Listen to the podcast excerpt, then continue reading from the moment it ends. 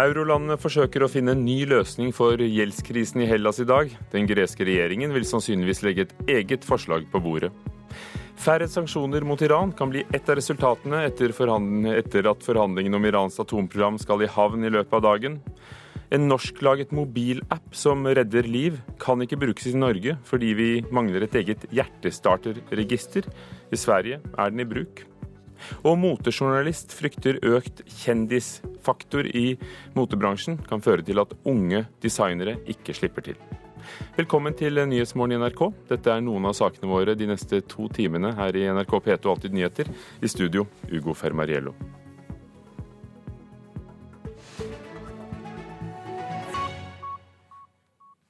Som vi har hørt i Dagsnytt i dag, Sykepleierforbundet frykter lengre helsekøer og utsatte operasjoner fordi det er mangel på spesialsykepleiere. En ny undersøkelse viser at mangelen kan bli enda større enn den er i dag, fordi mange spesialsykepleiere vil gå av med pensjon de nærmeste årene uten at nye blir rekruttert. Nestleder i Norsk Sykepleierforbund, Solveig Kobberstad Bratseth, mener dette kan ramme pasientene. Vil ventelistene øke? Vil flere stå i operasjonskø fordi at vi ikke har eh, anestesi, operasjonssykepleiere og intensivsykepleiere? Det er jo bekymring, da. Vi passer jo på de sykeste pasientene.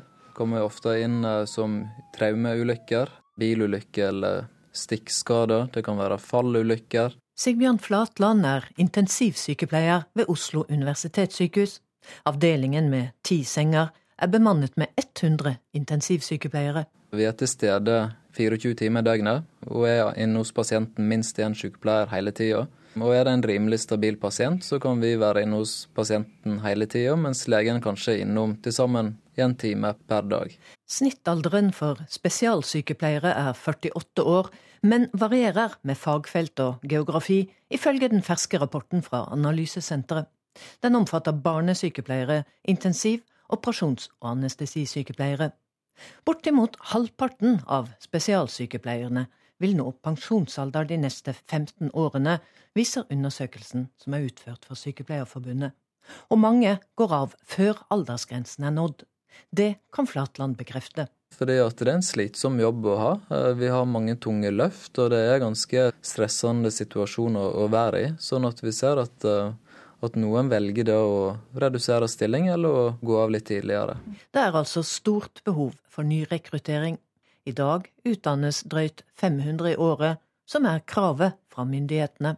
Ja, men det kravet det er ikke i tråd med det behovet. Sier Bratseth i Sykepleierforbundet. Da er det både i forhold til type spesialitet, men også i forhold til antall. For det at vi ser på framskrivingstallene, så vil vi ha store mangler på disse grupper spesialsykepleiere. Rapporten viser også at hele 36% av de spurte enhetslederne ved sykehusene mener de har for få sykepleiere til å opprettholde tilfredsstillende kapasitet. Vi syns at de opplysningene vi får her er så kritiske i forhold til eh, pasientene at vi vil gi opplysningene videre til helseministeren, for vi mener det er der ansvaret ligger, og ikke i en fagorganisasjon. Så vi ber om at Bent Høie, helseministeren vår, tar ansvar for disse opplysningene. Og klokken kvart på åtte her i Nyhetsmorgen vil Helsedepartementet fortelle hvordan de forholder seg til denne oppfordringen fra Sykepleierforbundet. Reporter var Katrin Hellesnes.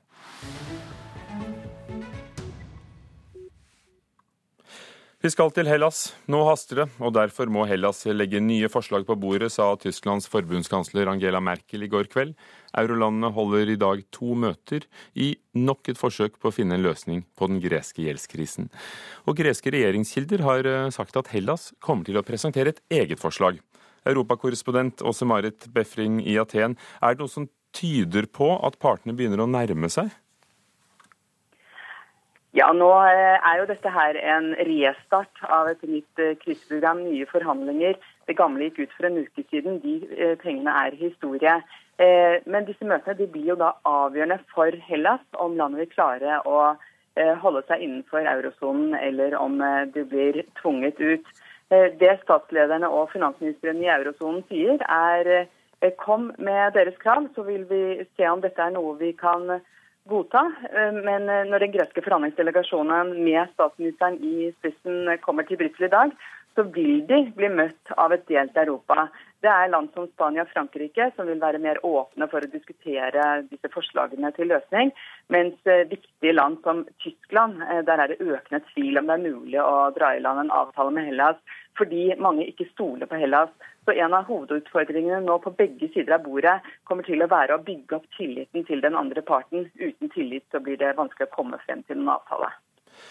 Er det noe som tyder på at eurolandene kan komme til å lette på noen av kravene etter folkeavstemningen som ga et uh, tydelig nei på søndag?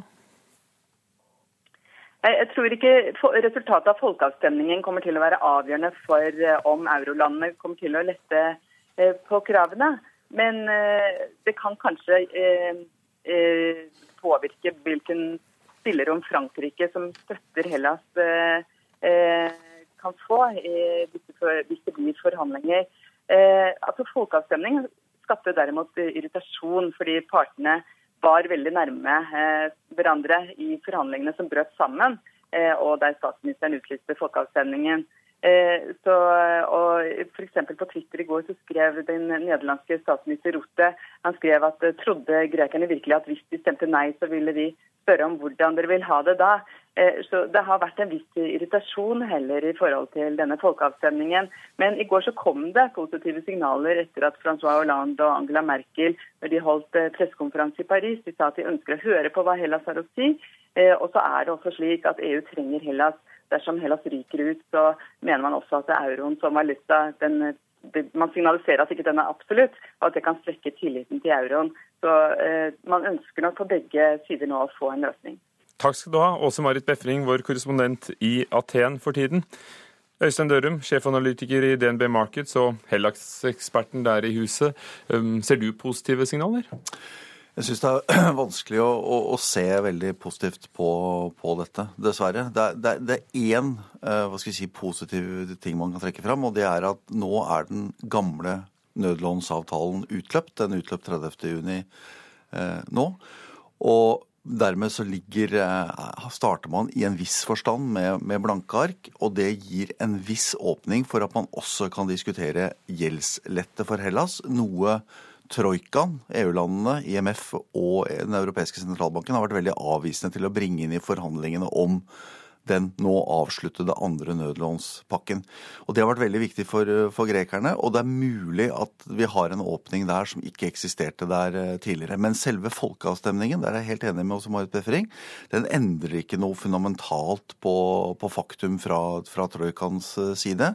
De har lagt fram mange tilbud som eh, Hellas har vært på nippet til å godta for hver gang å tverrvende og komme opp med nye, eh, nye forslag. Og tålmodigheten tror jeg er ganske tynnslitt på troikans side.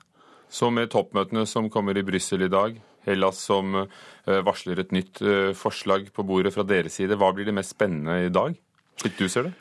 Jeg tror ikke vi kommer til å se noe, noe avgjørende i, i, dag heller. Men, men jeg tror det troikans parter sier, er jo at nå ballen ligger ettertrykkelig på grekernes eh, banehalvdel. Jeg tror at de andre landene har noe å gå på hvis Hellas viser forhandlingsvilje. Vilje til å komme troikaen, eh, troikaen i møte. Men eh, men det er svært vanskelig å se hvordan de andre partene etter så mange år, eh, hvor de har stått i grunn på det samme, eh, gresk økonomi må på en bærekraftig kurs, statsfinansene må på en bærekraftig kurs, at de etter en folkeavstemning plutselig skal mene noe helt annet. Så ballen ligger på Hellas banehalvdel. Og så har vi sett bilder av mennesker som tømmer minibankene. Filialene holdt stengt. Hvor hvordan går det nå, som Den europeiske sentralbanken uh, i går kveld lovet å opprettholde kriselånet til de greske bankene dagens, på dagens nivå, men, med strengere vilkår? Vil det bety at de, de får penger i minibankene? Det betyr at eh, det brenner stadig mer under føttene på det greske banksystemet. Eh, fordi at det er eh, begrenset hvor lenge de kan la folk ta ut kontanter av bankene uten at ECB fyller på i den andre enden. Og det ECB sier her nå, er at nå har vi ikke noe avtale. Vi kan ikke øke disse, disse nødlånene. Og I tillegg så er usikkerheten økt, så vi skal ha større sikkerhet for disse, disse nødlånene. Det er jeg tror ikke vi kommer til den situasjonen at det er ECB som eh, selv drar ut eh, pluggen og avslutter eurosamarbeidet. Men de facto så er vi på vei mot et land som ikke lenger har euro, når bankene ikke får de euroene de trenger fra Den europeiske sentralbanken. Og hva skjer hvis de går tomme for penger? Da går bankene over ende. Da får vi en bankkrise i Hellas. Og, og, og, jeg tror før vi kommer så langt, så må man inn med andre typer penger. Og, og da er Hellas de facto ute av eurosonen. Takk skal du ha, Øystein Dørum i DNB Market. Det skal fortsatt handle om forhandlinger, for i dag er det siste frist for forhandlingene om Irans atomprogram. Iran og flere stormakter har forhandlet om å komme frem til en avtale som skal begrense landets atomvirksomhet, men da også samtidig fjerne sanksjonene mot landet. Kristin Solberg, vår korrespondent, du befinner deg i Teheran. Og tror du vi kan vente at partene blir enige, for de har jo prøvd mange ganger før? Ja, det, det, har de, og det er det store spørsmålet her, alle her eh, stiller seg. Partene i Wien sier at en avtale er innen rekkevidde, at man aldri har vært nærmere. Men det gjenstår ennå store spørsmål, og det er tøffe beslutninger som må tas. Nå er jo samtalene allerede en uke på overtid. Det skulle bli enighet innen den 30. juni, så ble fristen utsatt en uke til i dag. Og det kan tenkes at man ennå går noe over tiden. Eh, diplomater antyder at at den 9. juli, altså om to dager, er den egentlige fristen. For Obama må legge fram en eventuell avtale for Kongressen i USA før det. Hvis han gjør det, får de 30 dager på å gjennomgå den. Kommer den etter det, så får de 60 dager, altså dobbelt så lang tid. Og dermed får kritikerne på hjemmebane mer tid til å kjempe mot den. Så det er ikke utelukket at det ennå kan ta et par dager før vi får en avklaring på dette. Men du, hva inneholder avtalen? Det er relativt få detaljer som er kommet ut om det. Det vi vet, det er at partene skal ha kommet fram til en enighet om lettelse av sanksjonene. Altså når sanksjonene skal lettes, og hvilke sanksjoner som skal lettes. Og Det har jo vært en av de store stridighetene. For Iran har jo ønsket at sanksjonene skal lettes umiddelbart når en avtale kommer på plass, men stormaktene har ønsket at de først skal lettes etter at Iran har bevist at de overholder avtalen. Men det er enda flere vanskelige spørsmål som gjenstår. Det ene er retningslinjer for inspeksjon av atomanlegg og militære anlegg i Iran. Og det andre er retningslinjer for Irans forskning og utvikling av atomteknologi.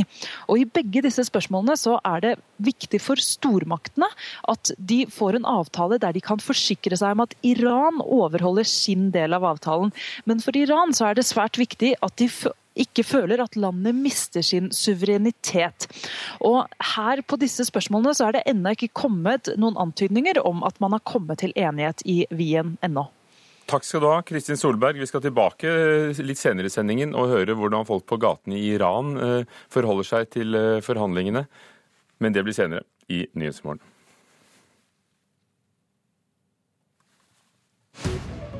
For klokken er blitt 16 eh, minutter over syv.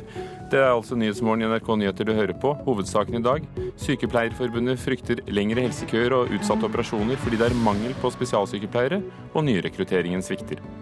Hellas vil trolig legge et nytt forslag på bordet i dag for å løse landets gjeldskrise. Samtidig møtes eurolandene til flere toppmøter. Og fagfolk ber folk passe bedre på barn på stranden. Vi vet ofte ikke hva som er faresignalene for drukning. Det skal vi høre mer om senere her i sendingen.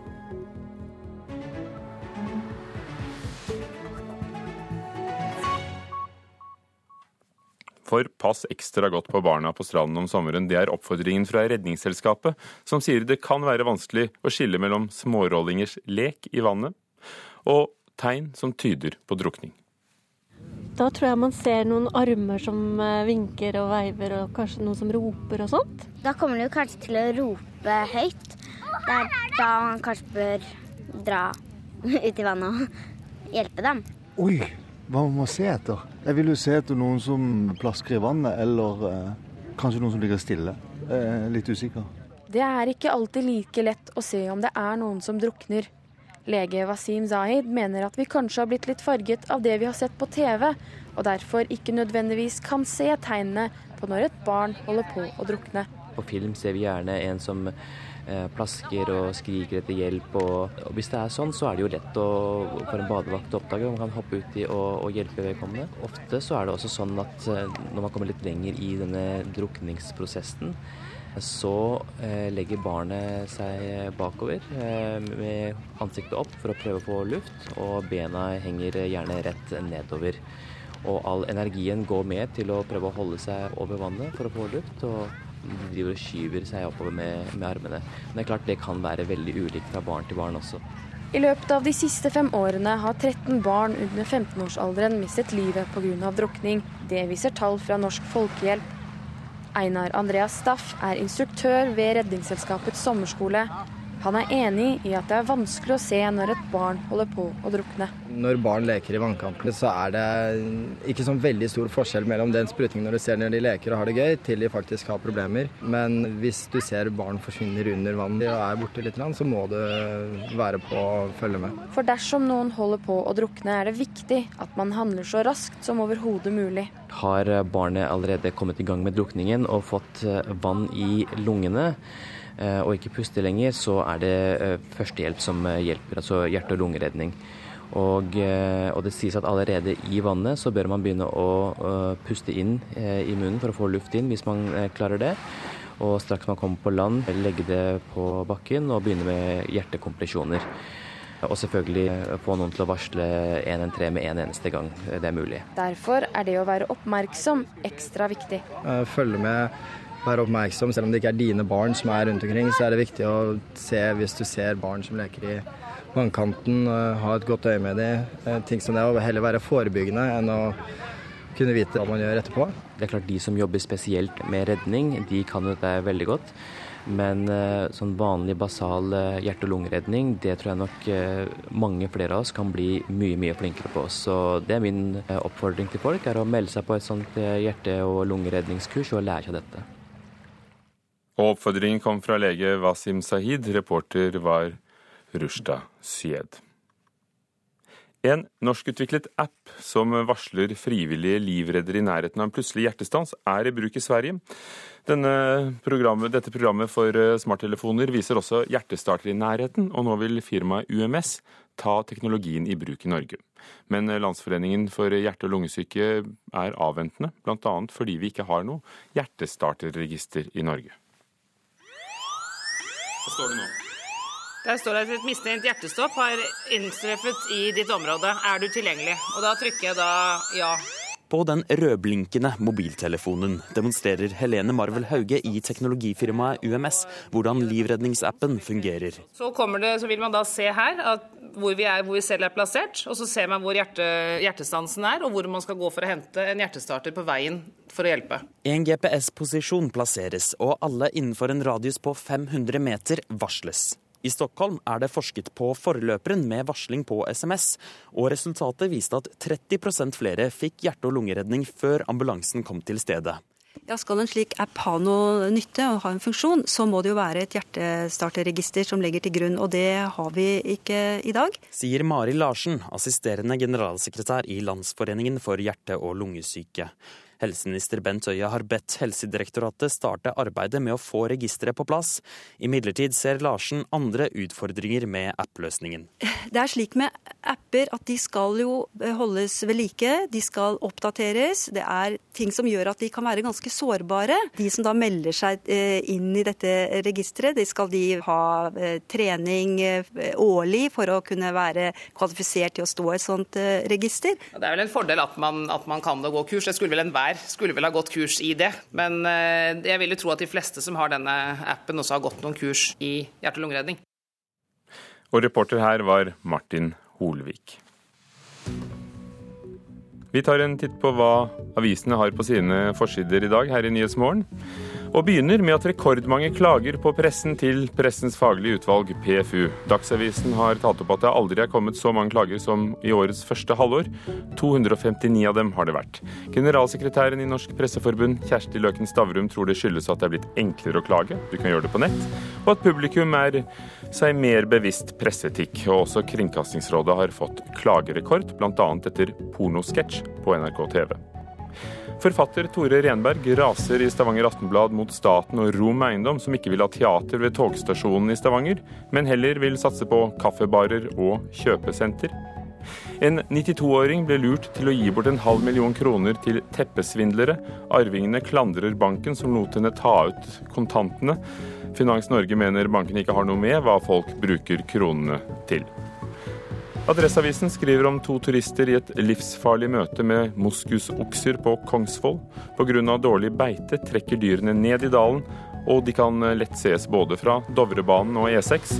Statens naturoppsyn sier folk mangler respekt for de rundt halvt tonn tunge dyrene, og anbefaler at vi holder en minimumsavstand på 200 meter til moskuser. En journalist og alkoholiker reagerer på Vårt Lands førsteside mot tredoblingen av skjenkebevillinger som har foregått de siste 30 årene. Han mener kommunepolitikere setter hensynet til arbeidsplasser og skattepenger foran hensynet til alt hva et større alkoholforbruk fører med seg av vold, skilsmisser, sykefravær osv. Det er 600 tonn for mye egg i markedet, ifølge Norsk Fjørfelag. Andre mener at det er 2500 tonn for mye egg. Og nå ber Fjørfelaget regjeringen si nei til flere eggbønder. Eggebøndene har fått dårligere råd. Nå slaktes kyllingene tidligere enn vanlig, og egg brukes også i dyrefôr, ifølge Nasjonen.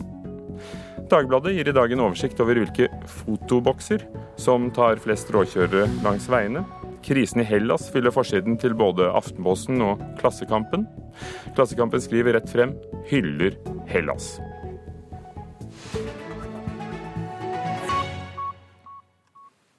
Det skal handle om uh, sykling. Alexander Kristoff venter uh, nye velt allerede på dagens etappe i sykkelrittet Tour de France. I går måtte mange av rytterne bryte toren etter en ganske skrekkelig massevelt, og Kristoff er forberedt på det verste. Det kommer til å bli en hard kamp igjen, og det kommer nok sikkert til å gå flere velt. Forteller Kristoff, tydelig bevisst på utfordringene som venter.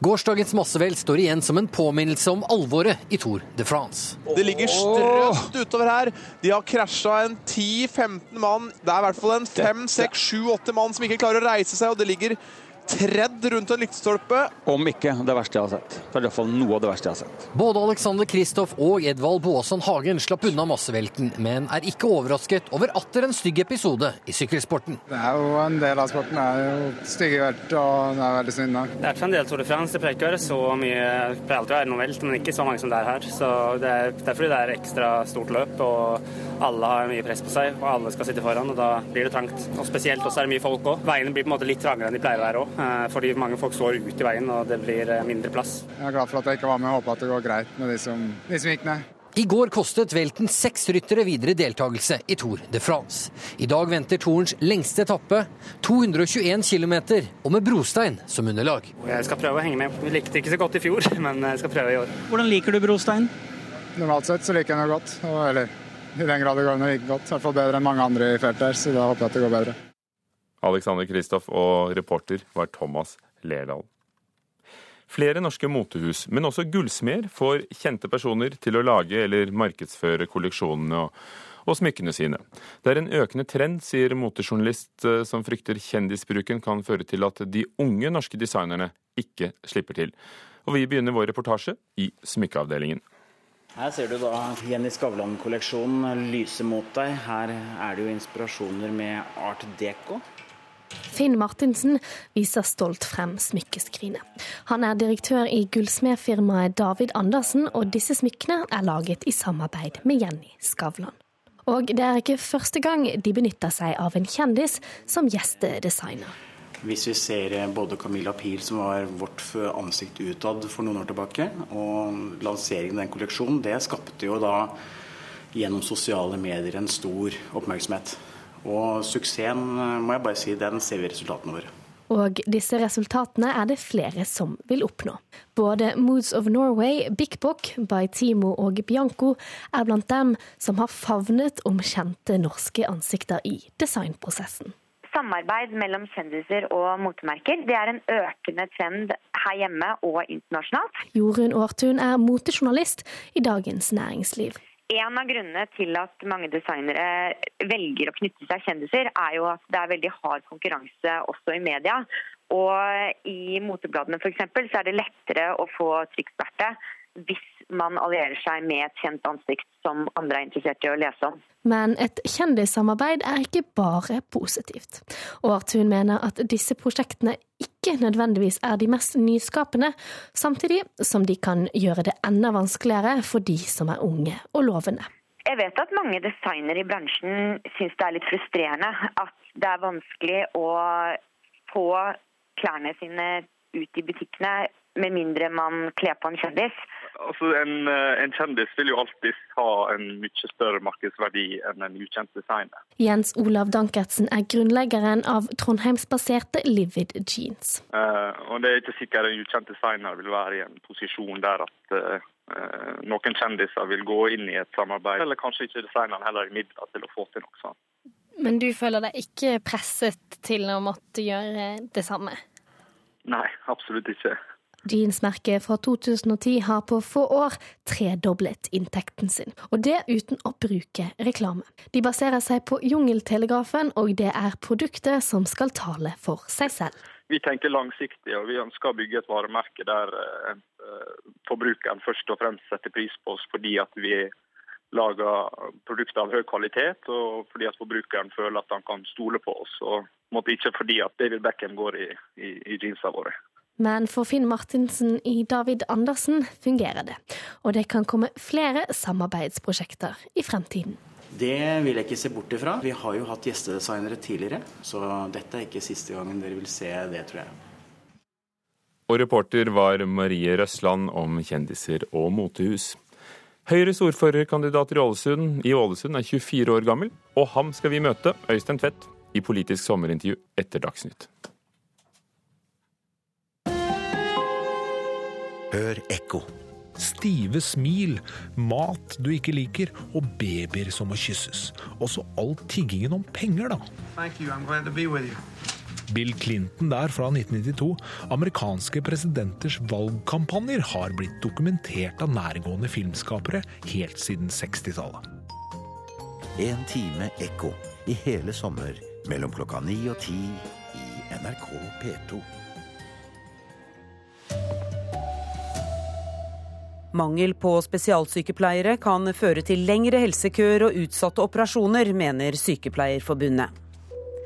Lite tyder på at eurolandene vil lette på kravene til Hellas om kutt og reformer. Og Bill Cosby har innrømmet å ha dopet ned kvinner for å ha sex med dem. Her er NRK Dagsnytt, klokka er 7.30. Spesialsykepleiere er allerede mangelvare ved sykehusene, og nå viser en undersøkelse at situasjonen kan bli enda verre. For svært mange spesialsykepleiere går av med pensjon de nærmeste årene, og det er få nye til å ta over. Det kan ramme pasientene, mener nestleder i Norsk Sykepleierforbund, Solveig Kobberstad Bratseth. Vil ventelistene øke, vil flere stå i operasjonskø fordi at vi ikke har anestesi, operasjonssykepleiere og intensivsykepleiere. Det er jo bekymring, da. Snittalderen for spesialsykepleiere er knapt 48 år, men med store geografiske variasjoner og mellom faggruppene. Det viser den ferske rapporten fra Analysesenteret. Det med alder og gjennomsnittsalder, at den er så høy at den er rundt 50 år, det var vi ikke klar over. Bortimot halvparten av sykepleierne når pensjonsalder de neste 15 årene, og mange går av før aldersgrensen. Det er altså stort behov for påfyll. I dag utdannes drøyt 500 i året, som er kravet fra myndighetene. Ja, men det kravet det er ikke i tråd med det behovet. Sier Bratseth i Sykepleierforbundet. Da er det både i forhold til type spesialitet, men også i forhold til antall. For det at vi ser på fremskrivingstallene, så vil vi ha store mangler på disse grupper spesialsykepleiere. Statssekretær i Helsedepartementet, Anne Grete Erlandsen, sier at de har oversikt. Hun viser til at sykehusene har meldt inn sin bemanningssituasjon i forbindelse med Nasjonal helse- og sykehusplan som er underveis. De har sett på både kapasitetsbehov for framtida, hvilke typer eh, yrkesgrupper og hvilke spesialister man trenger, og har nå en modell som gjør at ut fra hvordan vi strukturerer sykehusene, så vil vi kunne vite hvor mange vi kommer til å trenge. Reporter var Katrin Hellesnes. Det er forventet at Hellas legger fram et nytt forslag til løsning på gjeldskrisa når eurolandene møtes igjen i dag. Lite tyder på at eurolandene er villige til å lette på kravene om kutt og reformer, til tross for at grekerne stemte et klart nei til dette i folkeavstemningen søndag. Hierbei drängt die Zeit und wir werden äh, darauf Wert legen, dass in dieser Woche solche Vorschläge Tiden er i ferd med å renne ut. Vi må ha et forslag på bordet, slik at vi kan løse denne situasjonen, sa Tysklands forbundskansler Angela Merkel i går kveld. I dag møtes lederne i de 19 eurolandene igjen til nye møter om gjeldskrisen i Hellas. Kilder i den greske regjeringen har uttalt at de vil legge frem et nytt forslag under møtene. Spørsmålet er hva det forslaget kommer til å inneholde. Grekerne stemte et tydelig nei til kutt og reformer som kreditorene har satt som betingelser for nye kriselån. Men uttalelsene fra lederne i eurolandene tyder ikke på at de er villige til å fire på kravene. Vi har solidaritet med Griechenland gezeigt, auch das letzte Angebot. Vi har vist solidaritet med Hellas, og vårt siste forslag var svært sjenerøst, sa Merkel under en pressekonferanse i går. Men klokken tikker for Hellas. Den europeiske sentralbanken har sagt at de vil holde nødlånene til greske banker på dagens nivå. Det innebærer at de så vidt unngår å gå helt tom for penger, men at bankene fremdeles ikke kan åpne som normalt. Reporter var Silje Herbro Landsverk. Og europakorrespondent Åse Marit Befring, du er med oss fra Hellas. Hva kan komme ut av møtene? Ja, det man håper på, er at partene, dvs. Si Hellas på den ene siden og kreditorene på den andre, skal bli enige om å forhandle om en helt ny avtale til kriseland, eller i det minste sende signaler om at det går den veien. Det er også snakk om helt nye forhandlinger, fordi Hellas brøt eh, de forrige og utlyste denne folkeavstemningen. Hvis de ikke eh, får til det, vil det øke risikoen for at Hellas vil falle ut av eurosonen.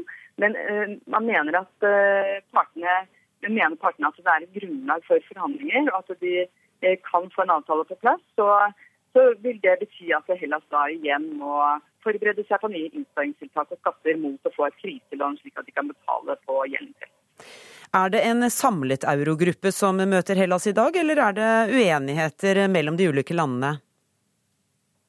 Når den greske forhandlingsdelegasjonen med statsministeren i spissen kommer til Brussel i dag med et forslag eh, til løsning i kofferten, så vil de trolig møte et splittet Europa. Der eh, land som Frankrike og Spania vil være mer åpne for å diskutere forslag til løsning. Eh, mens det i Tyskland er en økende tvil på om det er mulig å få en avtale i havn med Hellas. Også Nederlands statsminister har sagt at Hellas må godta ytterligere innsparinger dersom de skal få en avtale, og det kan bli, bli tungt for den greske regjeringen å svelge.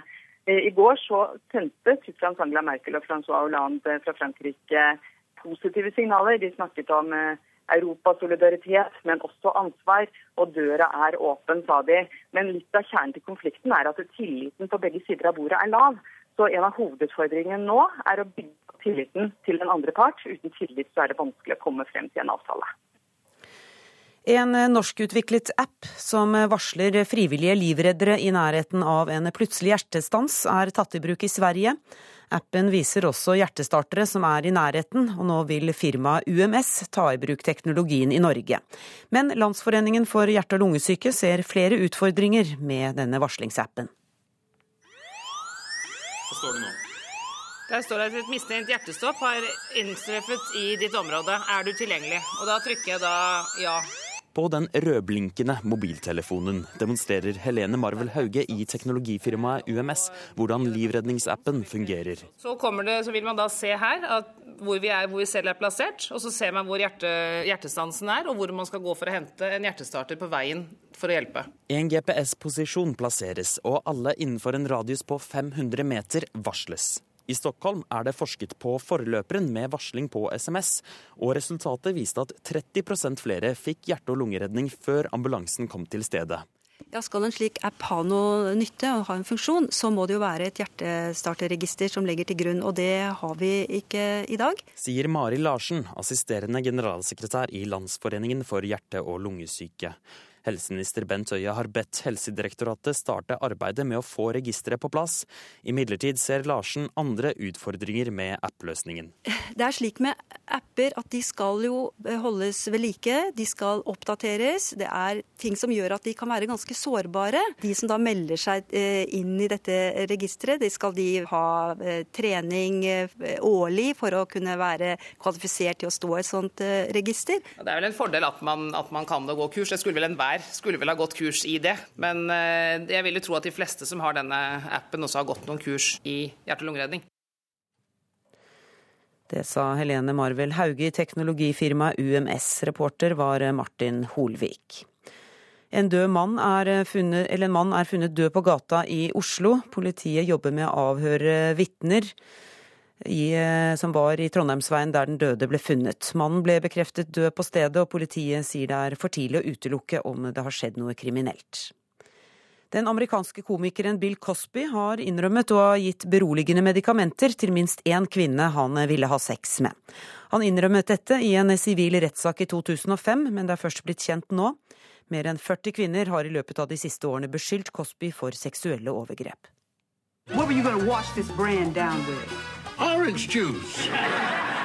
Bill Cosby i rollen som den omsorgsfulle familiefaren i TV-suksessen The Cosby Show fra 80-tallet.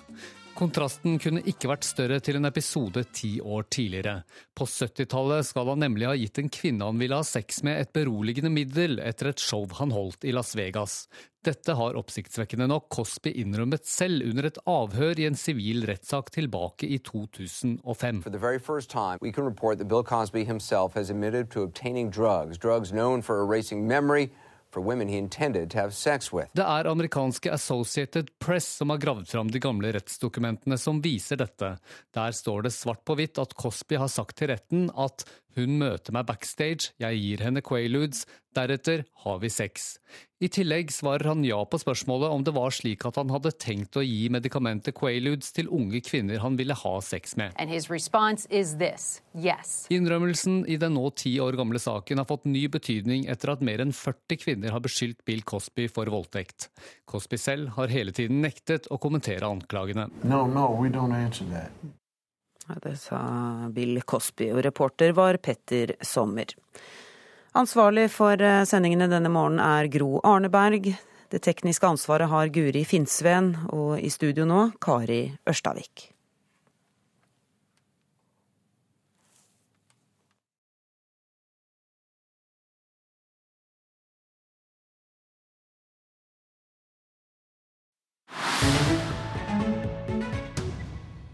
Og her i Nyhetsmorgen fortsetter vi i Iran.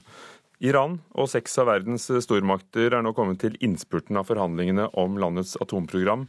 Disse forhandlingene har foregått i halvannet år. Fristen for å finne en løsning er i dag, og målet er enighet om hvor grensene går for hva Iran kan drive med av atomteknologi, og å lempe på sanksjonene mot landet. I Teherans gater har folk store forventninger til hvordan livet uten sanksjoner vil arte seg.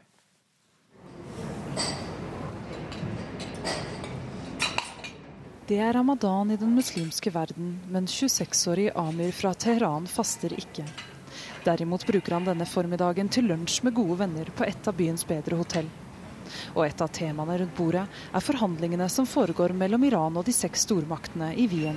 Um, I think it's so positive for us because in near future we're going to have so many relations with Amer ønsker seg en avtale og håper at han skal få den gledelige beskjeden om at det er blitt enighet mellom Iran og stormaktene. Det vil gjøre at Iran kommer ut av den internasjonale isolasjonen og være bra for økonomien, mener han.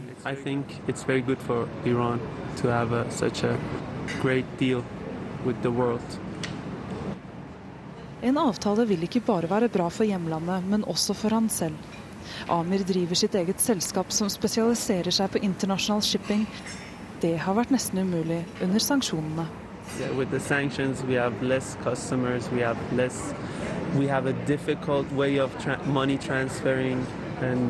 It's so difficult with the sanctions and this relationship to, with the world. Vennene rundt bordet håper alle på en avtale, men bare Amir vil la seg intervjue på bånd, og bare med fornavn. Et tegn på at det til tross for håpet i Teheran disse dager, også finnes den gamle frykten. Amir sier alle rundt ham er positive til en avtale. The, uh, everybody I see, everybody I talk about is excited about the deal. I've person, I never met anybody in person that is not happy because of this deal.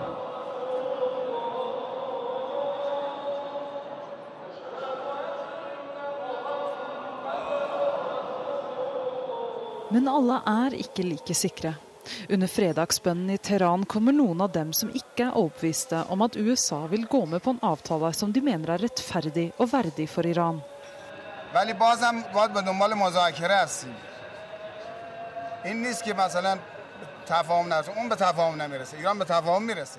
Vi vil forhandle, og vi kan ikke si at vi ikke kommer til enighet. Men USA vil ikke la en avtale skje. Iran derimot vil ha en avtale, sier Ali Askar Reza.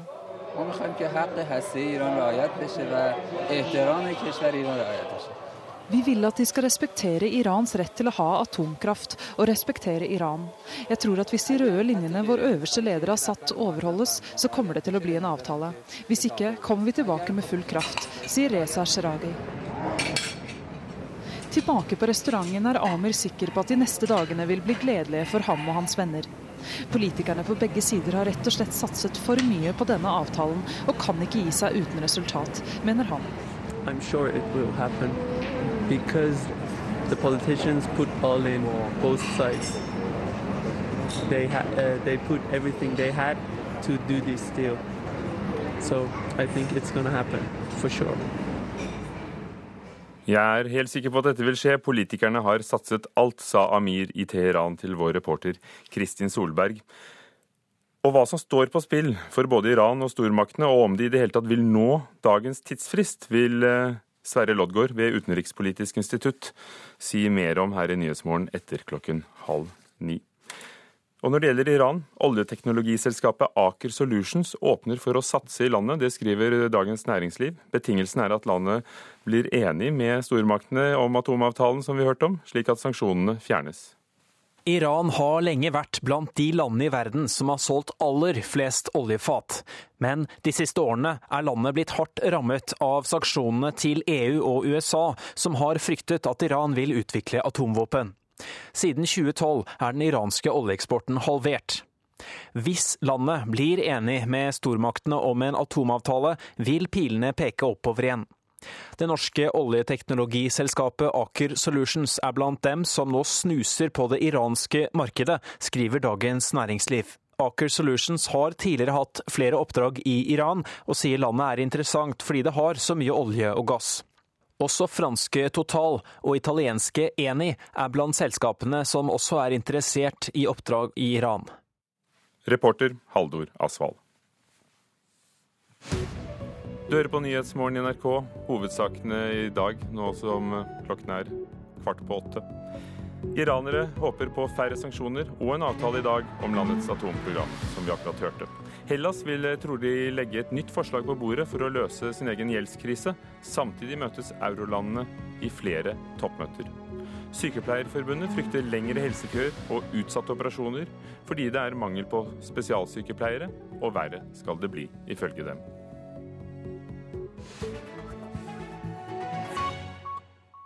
Og Det er også den saken vi skal høre mer om nå. For det er eh, mangel på spesialsykepleiere i dag, og det vil bli verre i fremtiden. Dette viser en ny rapport som er eh, kommet, og som vi har hørt om i nyhetene i dag tidlig. Problemet er at mange av dagens eh, spesialister går av med pensjon ganske snart, men det blir ikke tatt inn nye for å erstatte dem. Norsk Sykepleierforbund mener det vil ramme pasientene, og her er nestleder Solveig Kobberstad Bratseth. Vil ventelistene øke, vil flere stå i operasjonskø fordi at vi ikke har eh, anestesi, operasjonssykepleiere og intensivsykepleiere. Det er jo bekymrende. Snittalderen for spesialsykepleiere er knapt 48 år, men med store geografiske variasjoner og mellom faggruppene. Det viser den ferske rapporten fra Analysesenteret. Det med alder og gjennomsnittsalder, at den er så høy at den er rundt 50 år, det var vi ikke klar over. Bortimot halvparten av sykepleierne når pensjonsalder de neste 15 årene, og mange går av før aldersgrensen. Det er altså stort behov for påfyll. I dag utdannes drøyt 500 i året, som er kravet fra myndighetene. Ja, men det kravet det er ikke i tråd med det behovet. Nestleder i Sykepleierforbundet Solveig Kobberstad Bratseth, reporter var Katrin Hellesnes. Helseministeren er ikke å få tak i for oss nå, men det er du, statssekretær Anne Grete Erlandsen i Helsedepartementet. Er du bekymret for situasjonen som vi hører om? Dette er jo egentlig ikke noe nyhet. Dette har vi kjent til lenge. Og det som er kanskje det aller viktigste for oss, det er at når vi kom i regjering for to år siden, så startet vi arbeidet med en nasjonal helse- og sykehusplan. Og det er jo selvfølgelig personell noe av det aller viktigste. Så vi har nå hørt at vi har fått en rapport fra Sykepleierforbundet den er laget parallelt med at i forbindelse med sykehusplanarbeidet så har vi fått en rapport selv. Så det betyr vel at dere er bekymret, siden dere har laget en rapport? For, ja. for oss som ikke hadde hørt om det, er det en nyhet? Ja, dette er, eh, det er selvfølgelig en bekymring, fordi vi vet eh, at, eh, som Sykepleierforbundet sier, at det er mange spesialsykepleiere som er på alder med meg, og det betyr at de begynner å tenke på pensjonsalderen sin. Så det er viktig at vi har en oversikt på det. Dette er en eh, utdanning som er en videreutdanning på toppen av å være sykepleier fra før. Eh, og det er sykehusene sammen med universiteter og høyskoler som har ansvar for å sørge for at vi har nok kapasitet. Har de forsømt sitt ansvar, er det det du sier? Nei, det jeg sier er at de har nok hatt eh, ansvaret med litt for kort perspektiv. Nå kommer helse- og sykehusplanen som blir lagt fram nå i høst. Og den kommer til å ha et tiårsperspektiv. Og det betyr at vi vet bedre hva det er som må være i bestilling for at det skal bli nok. Betyr det at dere vil rekke å rekruttere nok nye spesialsykepleiere til at Eh, denne situasjonen som sykepleierne frykter ikke vil oppstå? Altså at det ikke vil bli lengre operasjonskøer, og at det ikke vil ramme pasientene? Det er i hvert fall mye bedre å ha en oversikt over det, som jo for så vidt Sykepleierforbundet har etterlyst lenge, eh, og som vi har vært enig i. Men det som er kanskje aller viktigst nå, det er å sørge for at de vi har, eh, faktisk forhåpentligvis orker å jobbe så lenge som mulig. Og aller helst at de jobber i full stilling. For det er kanskje noe av det som folk ikke er klar over i Norge, og det er at det er kanskje mangel på helsepersonell helsepersonell som er den største faren for, eh, for eh, sykehus og helsetjeneste i Norge, og ikke nødvendigvis alltid penger. Så fagmiljøene har eh, tenkt for kort frem i tid. Nå har dere politikere oversikten. Hvordan skal det løses på sikt? Mm. Det er jo et spørsmål som de enkelte sykehusene må jobbe med. F.eks. å sørge for at de har attraktive arbeidsplasser. Eh, så skal vi sørge for at eh, vi da med den nasjonale oversikten som vi nå da får, eh, klarer å forhåpentligvis matche det som er behovet framover. Dette er sykepleiere som tar hånd om veldig syke mennesker. Dette er en veldig personellintensiv del av sykehusene. Så dette er, dette her er viktige spørsmål i tiden framover. Men hvordan skal dere matche det? Hvordan, hvordan skal dere sikre at, at, de faktisk tar inn nok? I dag blir det utdannet 500 spesialsykepleiere i året. Er det nok? Ja, Det er så, det som jo også Sykepleierforbundet peker på, som eh, vi er klar over. Vi har jo oversikt over når alle ansatte i sykehusene når de er født, og når kan de eventuelt gå med pensjon. Så det har vi oversikt på. Men det kommer nok en, en, eh, bølgetopp som vi er nødt til å finne ut hvordan vi skal eh, matche. Og at vi eh, har nok folk til å, å ta unna for de som går i pensjon. Vil det gå utover pasientene hvis dere ikke lykkes? Eh, det som er viktig her, er at eh, alle skal være trygge på at de får gode helsetjenester. Det er eh, lederne og sykehusdirektørene ansvarlig for, og det jobber de med hver eneste dag, og det skal de fortsatt gjøre. Takk, statssekretær i Helsedepartementet, Anne Grete Erlandsen. Høyres ordførerkandidat i Ålesund er 24 år gammel, men håper alderen hans ikke tar bort fokuset fra politikken, og derfor skal vi snakke om den politikken, når vi møter Øystein Tvedt i dagens sommerintervju.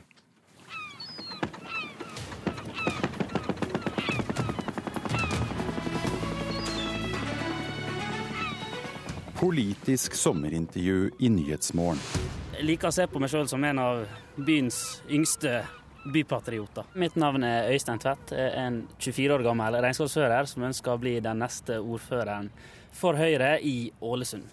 Ålesund er Norges fiskerihovedstad. Det er, den, det er en by med masse spennende aktiviteter og med stor vekst. Aller først så lurer jeg på, 24 år gammel, hvorfor ønsker du å bli ordfører i eh, Møre og Romsdal sin største by? Det starta med at dette her er byen jeg er født og oppvokst i. Det er en by jeg har et enormt stort engasjement for. og eh, det å kunne få utløp for det engasjementet gjennom å være ordfører, det er jo en drøm. Hvis du får makta, hva er det viktigste du vil gjennomføre? Ålesund er en, det er en by som har vært i stor vekst i mange år. Her er mye bra som skjer. Vi har en god skole og vi har et godt eh, kommunalt tilbud. Men så har vi også et par store oppgaver foran oss. Og den aller største her i byen nå, det er å få til en bærekraftig økonomi. På sikt. Vi har hatt eh, problemer med den økonomiske utviklinga en del år nå eh, pga. den veksten vi har hatt. Og det vil nok være mitt aller største politiske prosjekt. Ålesund er jo på Robek-lista. Hvordan skal vi komme oss ut? Det som er, vil være det viktigste for meg, det er jo først og fremst å bygge videre på den eh, nøkternheten som vi nå har klart å få til gjennom de siste budsjettene i kommunen. Vi har fått til en bred politisk samling om å sette oss i bånd og finne gode kuttiltak. Og vi trenger å lete etter nye måter å organisere kommuner på, sånn at vi kan få mer ut av de ressursene og midlene som vi har. Hva nye måter og nye løsninger ser du for deg da? Hvis jeg, hvis jeg så heldig, er så heldig å få kunne få bli ordfører, så, så har jeg lyst til å bruke de første månedene på å gå gjennom sektor for sektor. Ta for meg f.eks. skolesektoren. Det er en sektor som, eh, der vi har kutta ganske mye og er ned på beinet. Så vi kan ikke nødvendigvis kutte mer, men heller da spør de ansatte, spør de som jobber med sektoren, hvordan kan vi bruke de midlene vi har her, på en bedre måte, som gjør at vi kan få mer ut av ressursene i andre enden. Og da gjennom å bruke kommunene sine ansatte og den organisasjonen er der, finne måter der vi kan gjøre ting bedre. Nå har jo Ålesund vært eh, Høyre kommune siden 1999. Vi har aldri hatt en eh, kvinnelig ordfører før. Ordførerkandidat til Arbeiderpartiet er jo da Eva Vinje Aurdal. Du har ganske tøff konkurranse, da? Ja, men det er klart eh, vi har, vi har, flere gode ordførerkandidater som ønsker å bli ordfører her i byen nå. Eva er en politisk motstander som jeg har stor respekt for. Som jeg gleder meg til å ha gode dueller med i tida fremover. Og jeg håper de blir tøffe. Det er jo det som gjør valgkampen god, ikke det? At det, at det blir løfta litt opp på et høyt og godt nivå. Ja, Det er ikke på tide med et skifte, da? Nei, eh, jeg mener så absolutt ikke det. Eh, det er veldig mye som går veldig bra. Eh, hvis vi ser rundt oss her vi sitter nå, så ser vi byggeprosjekt på byggeprosjekt på byggeprosjekt her midt i Ålesund sentrum. Det utvikles ting, og det skjer ting her som, som, vi skal være veldig stolte av. Og det er en retning som jeg mener er riktig, og så jeg mener ikke vi skal skifte på. Og så er det da det å ta tak i de utfordringene som vi har her. Og det, det mener jeg oppriktig at man kan gjøre med den politiske kursen som man har i dag. Skulle gjerne sett at vi kunne åpna for søndagshandel her i kommunen, og spesielt da i det som er sentrum av Ålesund. Ålesund har, har tidligere søkt om å kunne få denne eh, status som turistby slik at vi kan ha åpne butikker i sentrumsgatene på søndag. Hele sommeren gjennom så er her cruiseskip på cruiseskip på cruiseskip som legger til. Og det er veldig synd at det, når de cruiseskipene legger til på søndager, så møter de ei stengt handelsgate. Så vi skulle ønske å i hvert fall kunne fått hatt åpne butikker i sentrum på søndager. Det tror jeg kunne vært veldig bra for, eh, for byen. Hva er det i Høyre sitt eh, partiprogram som du er uenig i? Du får ikke lov til å si ingenting. Nei, det var derfor, det var derfor du, måtte, du, måtte, gi meg litt tid. Vent, gi meg litt tid, da. Ja. Eh, jeg får uh, sitte og se på sola, båtene, høre litt på måkene imens. Uenig og uenig. Jeg skulle nok ønska meg en litt mer ekspansiv og offensiv samferdselspolitikk. Det er nok det jeg har lyst til å svare. Jeg syns vi skal gå litt, enda litt lenger. Eh, både i antall kroner man bruker på samferdsel, og i måten man eh, organiserer og bygger samferdsel på. Det er kanskje det politiske området der jeg er på ene sida mest stolt over mitt parti, men så er det samtidig kanskje der jeg ønsker vi skulle ha vært enda litt mer ivrig. Du var ganske hyggelig der, da. Jo, man må være det med sitt eget parti og sin egen regjering. Som en litt yngre politiker så er snakkene nok mer om samferdsel enn hva de fleste andre 24-åringer som er politisk aktive har gjort. Du er jo som du sier en ung politiker. Selv om du har hatt mange politiske verv, så er det jo ganske sporty å stille opp som ordførerkandidat i så ung alder. Er du litt nervøs? Nei, jeg har, jeg har ikke vært så veldig nervøs, faktisk. Jeg har, jeg har sovet godt om nettene helt siden jeg ble eh, Høyre sin ordførerkandidat her i byen. Men det er klart det det er det har vært en del fokus på alderen min. Jeg møtte tre forskjellige reaksjoner. Det er selvfølgelig noen av dem som er veldig skeptiske og tenker han her er for ung. Aller fleste dem eh, er oi, blir veldig interessert i å lure på hva er det han her har å, å, å fare med, og blir veldig interessert i å høre hva jeg har å si. Og så har du selvfølgelig dem som tenker oi, kult. Enn en, en ungen som har lyst til å, å, å, prøve seg kjempetøft. Det som jeg håper at jeg kan bidra med som, som litt yngre, det er jo kanskje litt andre øyne. Og så eh, tror jeg det at jeg, jeg kan være litt mer nysgjerrig. Ikke bare være bombastisk på Sånn bør man gjøre det. Eh, hva mener du er de eh, sentrale stridsspørsmålene i Ålesund kommune? Jeg håper det her blir en, blir her, her blir en valgkamp prega av de litt store spørsmålene. Den viktigste økonomi som jeg har vært inne på, en annen veldig viktig oppgave, det er utviklinga av ikke bare Ålesund som by, men Ålesund som en del av en større region her på Sunnmøre. Nå er det jo sånn at Ålesund rådhus det holder jo til midt i sentrumskjerna, hvor man har flott utsikt utover hele byen. Hva er det som er ditt sitt favorittområde her i Ålesund? Favorittområdet mitt eh, det må nok være her vi sitter nå, i Brosundet. På en god solværsdag så er nok eh, Brosundet indrefileten og hjertet av eh, Ålesund. Reporter Maria Kristina Vevang møtte Øystein Tvedt i Ålesund. Et værvarsel frem til midnatt. Fjell i Sør-Norge, enkelte regnbyger, særlig i nordlige områder. Mindre i ettermiddag, men regn i sør mot kvelden. Østland og Telemark, enkelte regnbyger nord for Hamar. Ellers opphold og tidvis sol. Mot kvelden regn sør for Oslo. Agder tilskyende. Fra ettermiddag regn. Rogaland fra ettermiddag sørøstlig frisk bris på kysten. Regn. Hordaland spredte regnbyger. Fra i ettermiddag regn. Sogn og Fjordane avtagende byggeaktivitet. Møre og Romsdal og Trøndelag nordlig liten kuling. Regnbyger. Fra i formiddag nordlig frisk bris. Avtagende nedbøraktivitet. Nordland på kysten i nord av og til stiv kuling. Regnbyger i innlandet. Ellers stort sett oppholdsvær, litt sol. Troms enkelte regnbyger, stedvis noe sol. Finnmark enkelte regnbyger, stedvis noe sol. Nordensjøland på Spitsbergen nordøstlig bris, til dels pent vær. Temperaturene målt klokken syv i dag. Svalbard ti grader, Kirkenes seks, Vardø åtte, Alta seks, Tromsø syv, Bodø elleve, Brønnøysund elleve, Trondheim 13, Molde 12, Bergen Flesland 10, Stavanger 12, Kristiansand-Kjevik 13, Lillehammer 14, Røros 10 og Oslo-Blindern hadde 16 grader for en time siden. Du hører på Nyhetsmorgen. I neste omgang etter Dagsnytt klokken åtte skal vi høre at Vidvei er for mye næringsminister. Det mener kritiker og redaktør Sindre Hovnak. Han møter departementet til debatt hos oss i Nyhetsmorgen.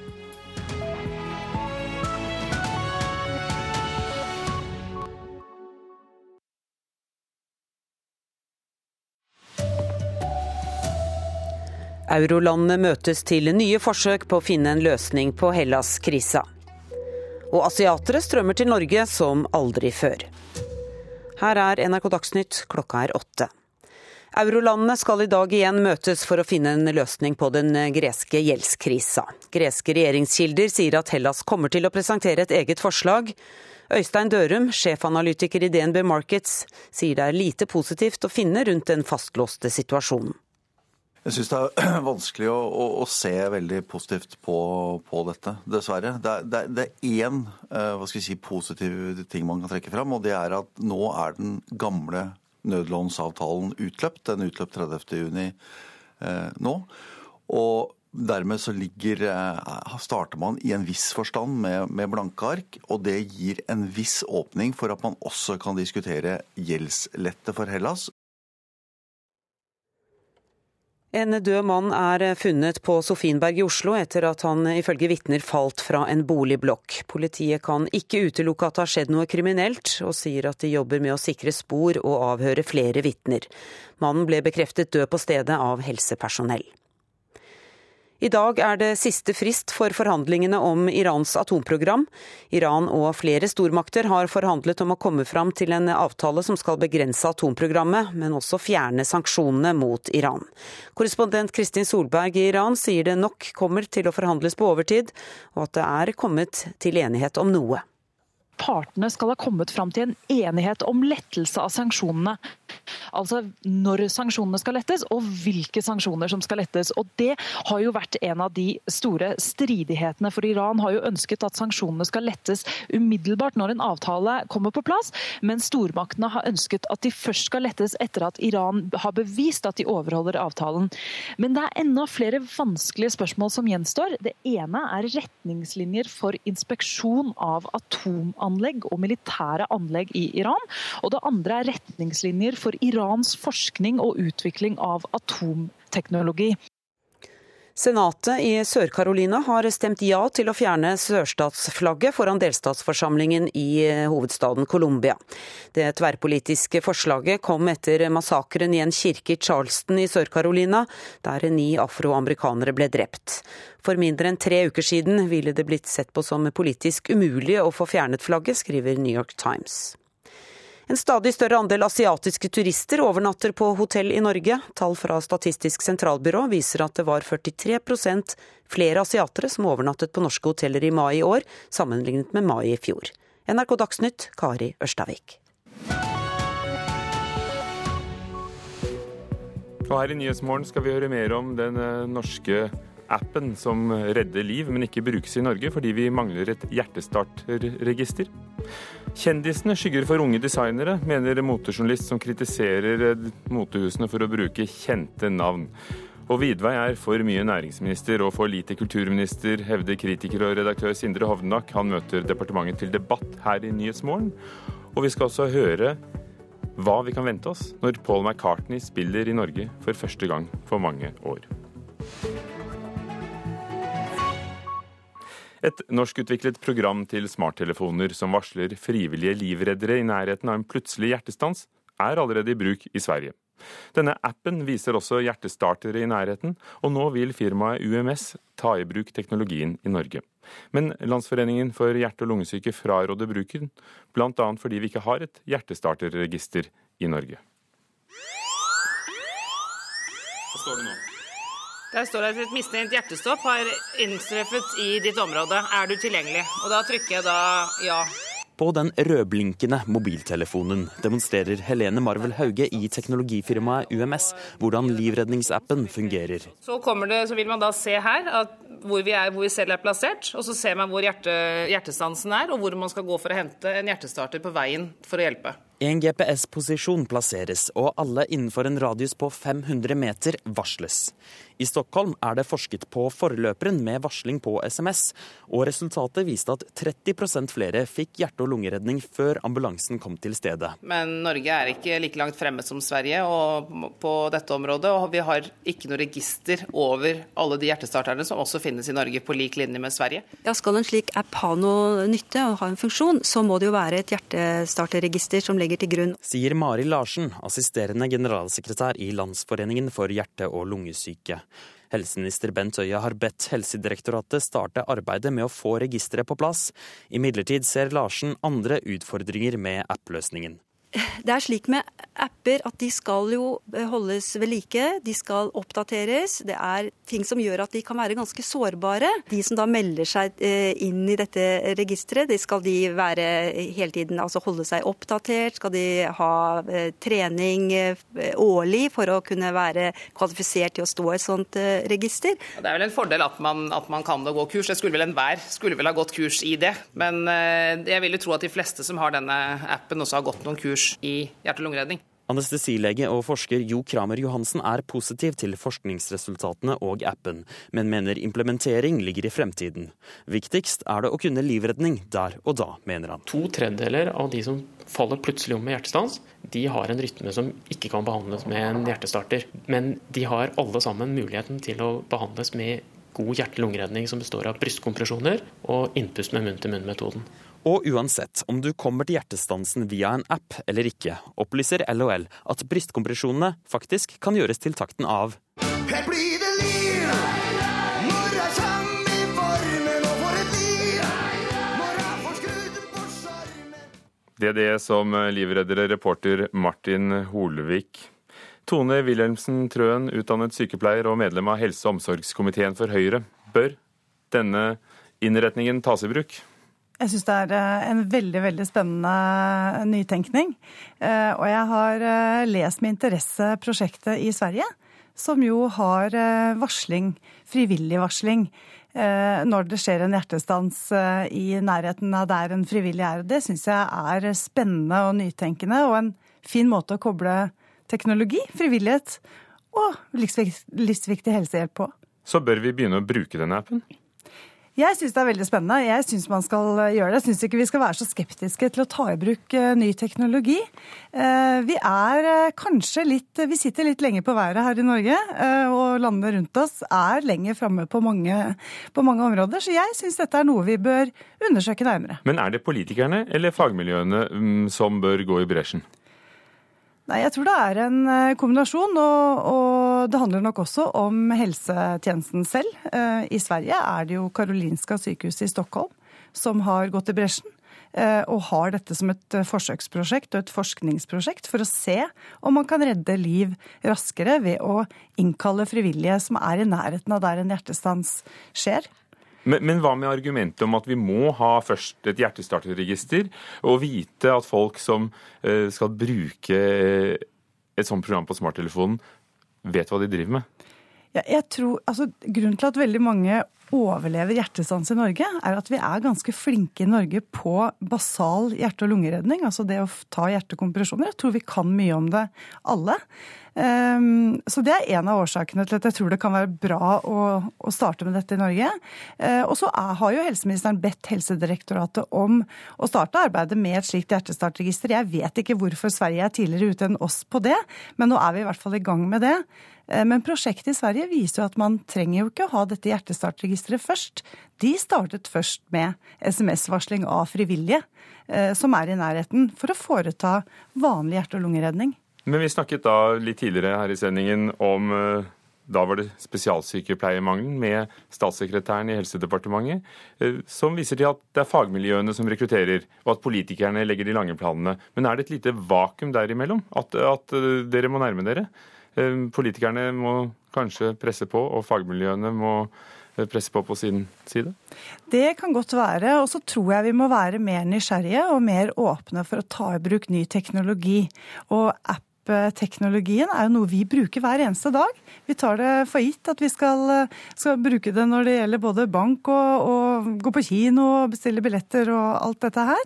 Eh, og jeg syns det er spennende at vi også kan ta i bruk den type teknologi i helse, og at vi har dyktige miljøer og gode firmaer i Norge som utvikler gode løsninger. Men hva bør de kunne, da, de som laster ned en sånn app som varsler om hjertestans i nærheten? Vanlig hjerte- og lungeredning, som jo veldig mange kan også som ikke er utdannet sykepleier sykepleiere eller leger eller helsepersonell.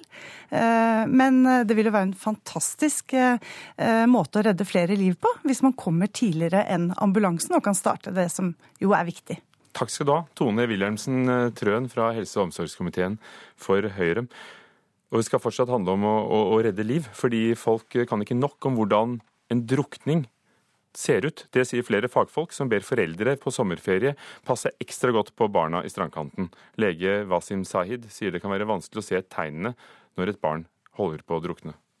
På film ser vi gjerne en som plasker og skriker etter hjelp. Og, og hvis det er sånn, så er det jo lett å, for en badevakt å oppdage. Man kan hoppe uti og, og hjelpe vedkommende. Ofte så er det også sånn at eh, når man kommer litt lenger i denne drukningsprosessen, så legger barnet seg bakover eh, med ansiktet opp for å prøve å få luft, og bena henger gjerne rett nedover. Og all energien går med til å prøve å holde seg over vannet for å få luft. og de driver og skyver seg oppover med, med, armene. Men det er klart det kan være veldig ulikt fra barn til barn også. I løpet av de siste fem årene har 13 barn under 15-årsalderen mistet livet pga. drukning. Det viser tall fra Norsk Folkehjelp. Einar Andreas Staff er instruktør ved Redningsselskapets sommerskole. Han er enig i at det er vanskelig å se når et barn holder på å drukne. Når barn leker i vannkantene, så er det ikke sånn veldig stor forskjell mellom den sprutingen når du ser når de leker og har det gøy, til de faktisk har problemer. Og reporter var Rushda Syed. Flere norske motehus og gullsmeder samarbeider med kjente folk for å markedsføre kolleksjonene sine. Og dette er en økende trend, sier en motejournalist, som frykter at denne kjendisbruken kan føre til at unge norske designere ikke slipper til. Her ser du da Jenny Skavlan-kolleksjonen lyse mot deg. Her er det jo inspirasjoner med art deco. Finn Martinsen viser stolt frem smykkeskrinet. Han er direktør i gullsmedfirmaet David Andersen, og disse smykkene er laget i samarbeid med Jenny Skavlan. Og det er ikke første gang de benytter seg av en kjendis som gjestedesigner. Hvis vi ser både Camilla Pil, som var vårt ansikt utad for noen år tilbake, og lanseringen av den kolleksjonen, det skapte jo da gjennom sosiale medier en stor oppmerksomhet. Og suksessen, må jeg bare si, den ser vi resultatene våre. Og disse resultatene er det flere som vil oppnå. Både Moods of Norway, Big Book, by Timo og Bianco er blant dem som har favnet om kjente norske ansikter i designprosessen. Samarbeid mellom kjendiser og motemerker det er en økende trend her hjemme og internasjonalt. Jorunn Aartun er motejournalist i Dagens Næringsliv. En av grunnene til at mange designere velger å knytte seg kjendiser, er jo at det er veldig hard konkurranse også i media. Og i motebladene f.eks. så er det lettere å få trykksverte hvis man allierer seg med et kjent ansikt som andre er interessert i å lese om. Men et kjendissamarbeid er ikke bare positivt.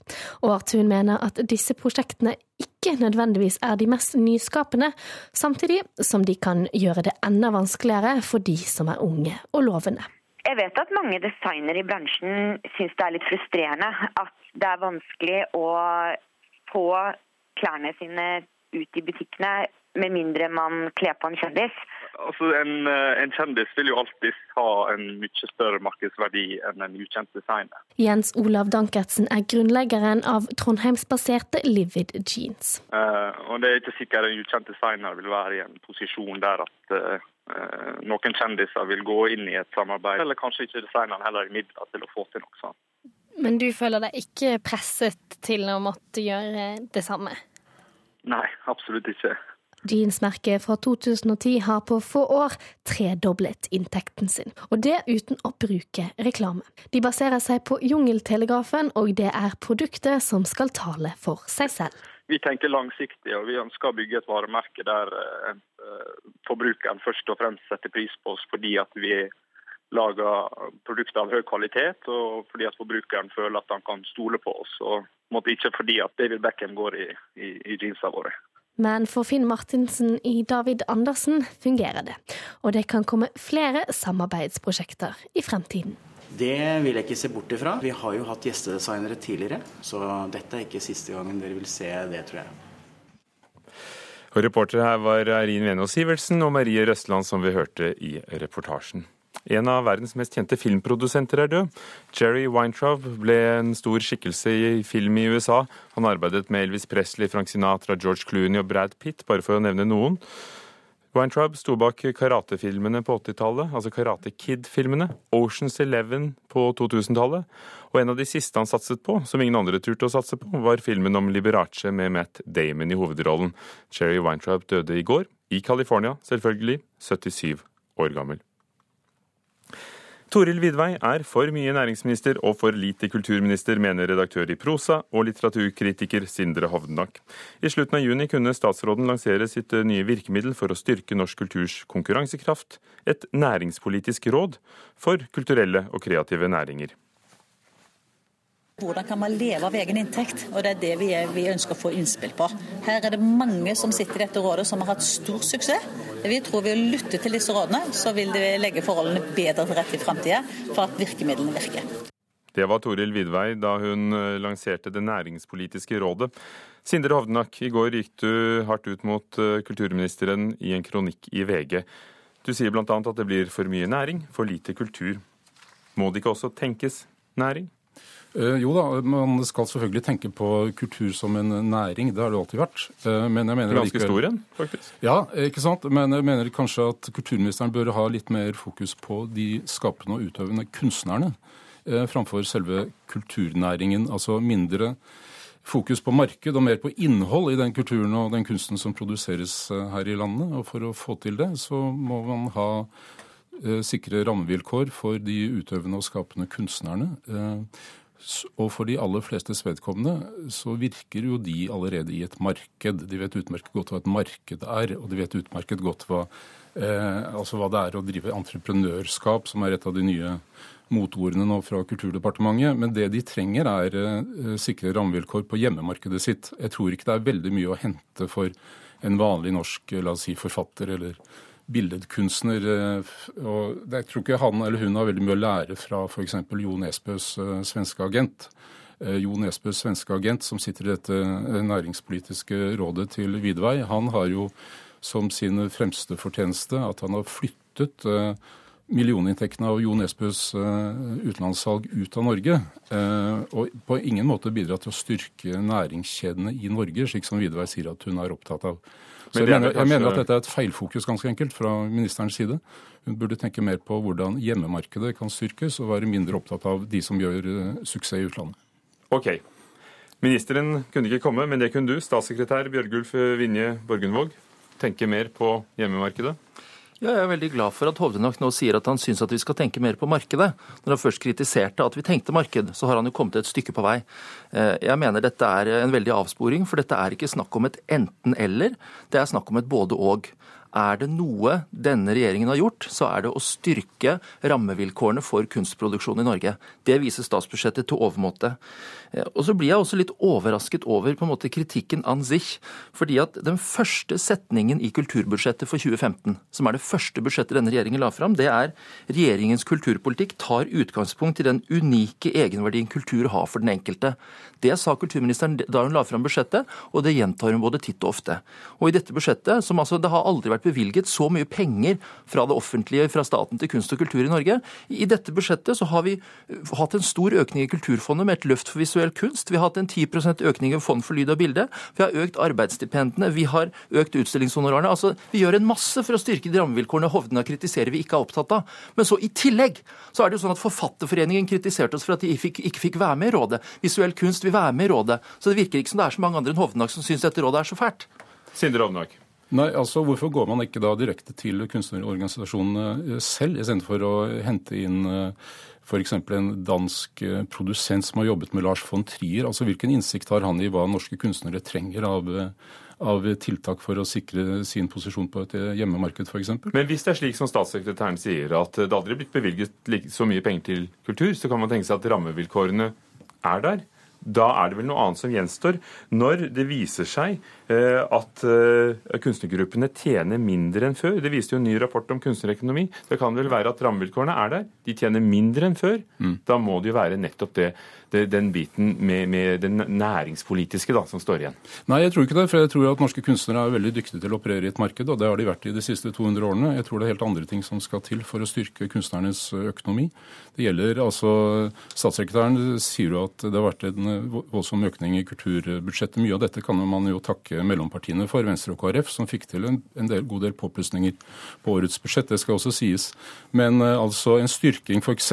av arbeidsstipendene for kunstnere er, altså Et arbeidsstipend for kunstnere er 200 000 kroner. Det er så lite penger at det ikke er synlig på et budsjett engang. Her kunne man gjort mye mer uten at det hadde kostet uh, veldig mye. Og det har vært målrettede, effektive tiltak for å styrke kunstnerøkonomien.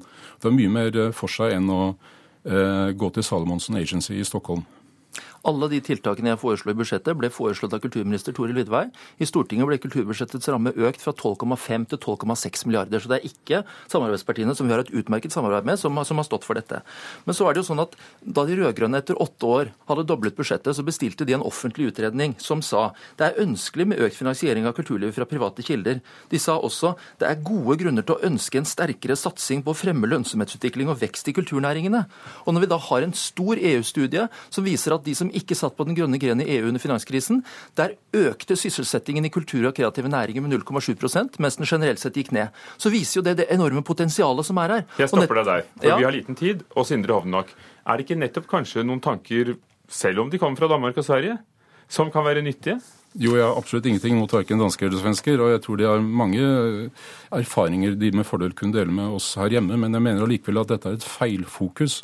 Fordi at Hovedutfordringen ligger ikke i å skape flere Jo Nesbø. Hovedutfordringen ligger i å skape forutsigbare rammevilkår for norske kunstnere på et hjemmemarked. Takk skal dere ha, Sindre Hovdenak og Bjørgulf Vinje Borgundvåg. For klokken er allerede blitt åtte 22 straks, og du hører på Nyhetsmorgen i NRK, der hovedsaken i dag er at iranere håper på færre sanksjoner hvis eh, en avtale om landets atomprogram går gjennom i dag. Og hva som står på spill, vil seniorforsker i NUPI Sverre Loddgaard fortelle mer om siden i Nyhetsmorgen. Hellas vil trolig legge et nytt forslag på bordet i dag for å løse landets gjeldskrise. Samtidig møtes eurolandet til flere toppmøter. Og Sykepleierforbundet frykter lengre helsekøer og utsatte operasjoner pga. mangel på spesialsykepleiere.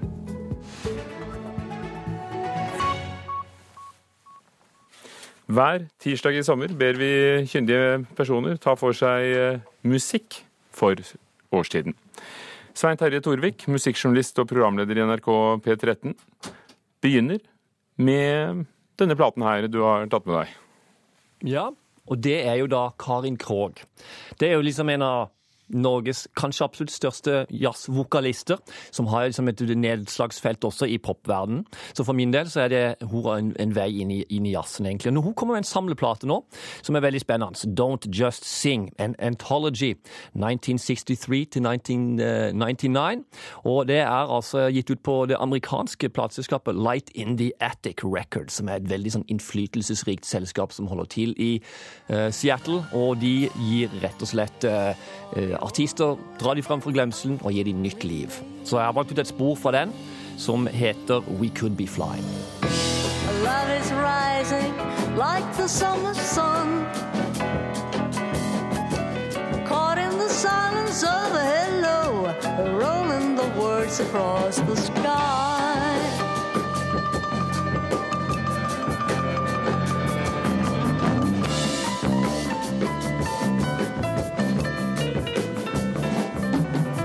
There's a feel that comes in spring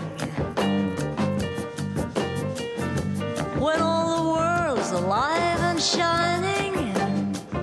Du snakket om Karin Krog, men hvem er um, alle de andre vi hører her? Jo, det er jo eh, vår alle kjære Jon Christensen på trommer, og eh, bassisten Steve Swallow, også et godt eh, navn innenfor jazzen. Og så er det keyboardist Steve Coon. Så denne plata som dette opprinnelig kommer fra, We Could Be Flying, kom ut i 1975, spilt inn i Rosenborg studio. Produsert av Karin Krog sjøl og Jonny Sareusen. Så her snakker vi om eh, det, altså det som Light in the Attic Records eh, beskriver denne plata som, som et eh, pop jazz masterwork, rett og slett. Svein Terje Torvik, eh, vi kan ikke holde oss til platene fordi sommeren er festivaltid når mange får oppleve musikk live. Og du har funnet frem til en som akkurat er overstått, dessverre? Ja. Jeg har jo eh, et visst fokus på Sverige av eh, familiære grunner for tida. Jeg skal være i Sverige hele sommeren og har vært der en liten tur. Jeg ville jo helst komme i forrige uke for å snakke om denne festivalen jeg akkurat har vært på, som heter Frukta inntil skogen. Som foregår eh, på en liten gård i Dalsland, nært Hoverud. Det er jo mange nordmenn som befinner seg der. Vi snakker egentlig bare om en, en time over grensa fra Halden eller noe sånt. Og et bortimot helsvensk program der med store, gode gamle Merit Hemmingsson, jazzorganist organisten, som også opererer i folklandskapet, og Skogen brinner, og masse flotte mindre band fra rockemiljøet i Gøteborg. Men for de, som, av de av dere som eh, liker blues av eh, våre P2-lyttere, så kan jeg bare anbefale noe som begynner akkurat nå i disse dager, som heter Blues, eh, Åmåls Bluesfest.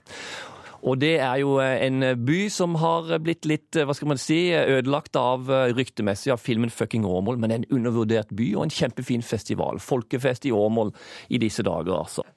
Og en festival du har plukket ut, er Clandestino. Clandestinofestivalen det er noe som har holdt på eh, altså Det er en organisasjon i Gøteborg, holdt på siden 2003.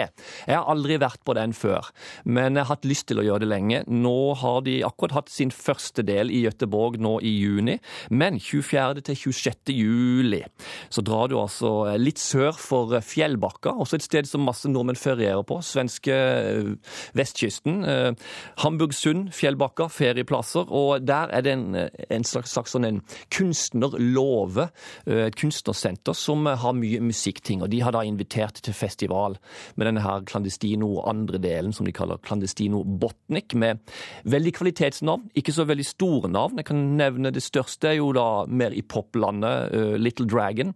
Men så har de en dansk kvinnelig femtett, kvintett altså, Selvhenter. Og det de vil, er å dra eh, musikk fra ytterkantene og alle mulige forskjellige, fra forskjellige kulturer inn sammen.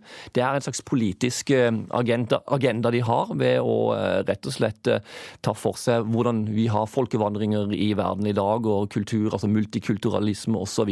Øke forståelse og skape evenementer på tvers av, av kulturer. Og det er ganske vellykka, ser det ut til, på programmet her. Jeg har tenkt jeg skulle spille en, et spor fra programmet da på eh, Clandestinofestivalen. Eh, et band fra hovedsakelig Mali, BKO Quintet. Ga ut et album i fjor. Bamako Today starta av eh, egentlig en franskmann da, som er slagverker, Aymeric Kroll. Bosatte seg i Mali for å studere trommer, og midt i denne her studietida så ble det jo da eh, Så ble det rett og slett borgerkrig og kupp, militærkupp osv. Men allikevel klarte de å lage en nydelig plate som heter Bamako Today, og dette her er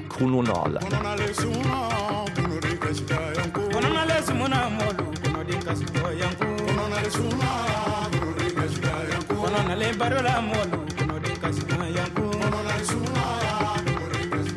kononale sumuna fadenya sumuni ngosi kononale sumuna kononale sumuna sofi kononale sumuna kononale sumuna mena kononale sumuna lomili ya dibiri BK Kvintett Kommunale anbefalt av Svein Terje Torvik med et kort overblikk over plater og festivaler i sommer. Sport. Alexander Kristoff, sykkelrytter, forventer flere velt på dagens etappe i Tour de France. I går var det mange som brøt rittet etter en ganske forferdelig massevelt. Og Kristoff forbereder seg på at det går ille i dag også. Det kommer til å bli en hard kamp igjen, og det kommer nok sikkert til å gå flere velt. Forteller Kristoff, tydelig bevisst på utfordringene som venter. Gårsdagens massevelt står igjen som en påminnelse om alvoret i Tour de France. Det ligger strøtt utover her. De har krasja en 10-15 mann. Det er i hvert fall en 5-6-7-8 mann som ikke klarer å reise seg, og det ligger tredd rundt en lyktestolpe. Om ikke det verste jeg har sett. Det er i hvert fall noe av det verste jeg har sett. Både Alexander Kristoff og Edvald Boasson Hagen slapp unna massevelten, men er ikke overrasket over atter en stygg episode i sykkelsporten. Det er jo en del av sporten. Det er jo stygge velt, og det er veldig synd. Det er ikke en del Tour de France. Det pleier ikke å være så mye Det pleier alltid å være noe velt, men ikke så mange som det er her. Så det er, det er fordi det er ekstra stort løp, og alle har mye press på seg, og alle skal sitte foran, og da blir det trangt. Og spesielt også er det mye folk òg. Veiene blir på en måte litt trangere enn de pleier å være òg. Fordi mange folk står ut i veien, og det blir mindre plass. Jeg er glad for at jeg ikke var med og håper at det går greit med de som, de som gikk ned. I går kostet velten seks ryttere videre deltakelse i Tour de France. I dag venter Tourens lengste etappe, 221 km, og med brostein som underlag. Jeg skal prøve å henge med. Vi likte ikke så godt i fjor, men jeg skal prøve i år. Hvordan liker du brostein? Normalt sett så liker jeg den godt. Eller i den grad det går an å like godt. I hvert fall bedre enn mange andre i feltet her, så da håper jeg at det går bedre. Og reporter om brostein på Tour de France var Thomas Lerdal. Mye på spill for Iran i dag. Frist for atomforhandlingene. Dette hører vi mer om i Nyhetsmorgen etter Dagsnytt. Og Paul McCartney spiller i Norge for første gang på mange år.